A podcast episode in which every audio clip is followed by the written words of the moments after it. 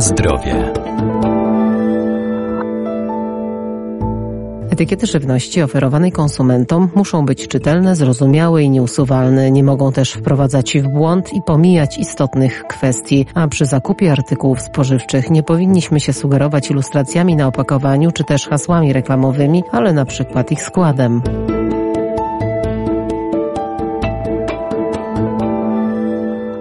Etykiety na opakowaniach to dla nas cenne źródło informacji. Warto je czytać, zwłaszcza wykaz składników użytych do produkcji danego wyrobu, bo każda żywność, którą kupujemy, musi być w odpowiedni sposób oznakowana. Na pierwszym miejscu na etykiecie znajduje się składnik, którego w produkcie jest najwięcej. Jeżeli chodzi o żywność, na pewno powinna być ona oznakowana, powinna zawierać skład. Jakie składniki zostały użyte do jej wytworzenia. Trochę inne zasady będą, jeżeli chodzi o żywność paczkowaną, inne zasady będą, jeżeli chodzi o żywność sprzedawaną lusem. Łukasz Drzewiecki, Inspekcja Handlowa. W przypadku żywności paczkowanej składniki powinny być podane poprzedzone słowem składniki i potem wskazane składniki od składnika, którego najwięcej jest ilościowo w produkcie, do tych najmniejszych ilości. Powinny być w sposób szczególny, powinny być wskazane te składniki, które, które są alergenami. One powinny być podkreślone bądź wytłuszczone, jasno wskazane, że to jest e, składnik, który alergizuje. Większość e, żywności w taki sposób powinna być oznakowana, aczkolwiek są pewne tutaj wyjątki, wyłączenia. Są produkty, które no już sama nazwa nam mówi tak naprawdę, jaki jest skład tego produktu.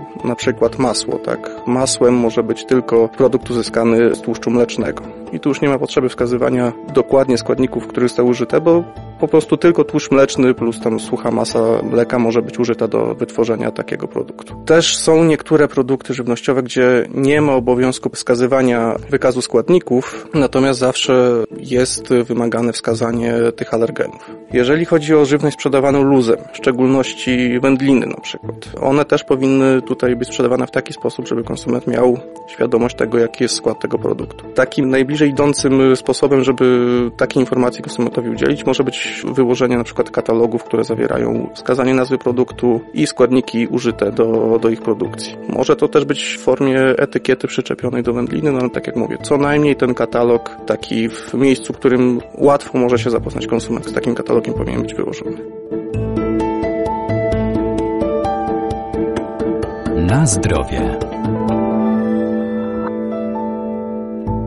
Istotna jest też gramatura, a także warunki przechowywania czy daty ważności. Warto również zwracać uwagę na oznakowania produktów ekologicznych. Oprócz oznaczenia z wykazem składników, towar żywnościowy powinien być też oznaczony gramaturą. Tutaj oczywiście, jeżeli chodzi o towary paczkowane, jak również terminem przydatności do spożycia lub terminem minimalnej trwałości. Jest jeszcze grupa produktów, y, które są oznaczone jako ekologiczne lub bio i tu już są sztywniejsze ramy regulacyjne, dlatego że żeby producent mógł oznaczyć y, taki towarek ekologiczny bądź skrótem bio, no to on musi być certyfikowany ten towar. Przez jednostki certyfikujące przy Ministerstwie Rolnictwa musi być zatwierdzony cały proces produkcji, żeby uznać, że taki, taki towar jest właśnie towarem ekologicznym. Logo z zielonym miskiem powinno się znaleźć, powinna się znaleźć jednostka certyfikująca, która zatwierdziła takie gospodarstwo rolne czy, czy zakład przetwórstwa do produkcji żywności, która jest ekologiczna lub jako bio sprzedawana. Same słowa ekologiczne i bio są już zastrzeżone właśnie tylko i wyłącznie dla tego typu produktów, które są certyfikowane. One muszą być produkowane właśnie w sposób ściśle określony w tych wskazówkach jednostki certyfikującej, czyli przede wszystkim bez używania tutaj jakichś nawozów sztucznych, tak, metod produkcji jakichś takich stricte przemysłowych, powinny być właśnie w sposób ekologiczny wytwarzane i potem przetwarzane.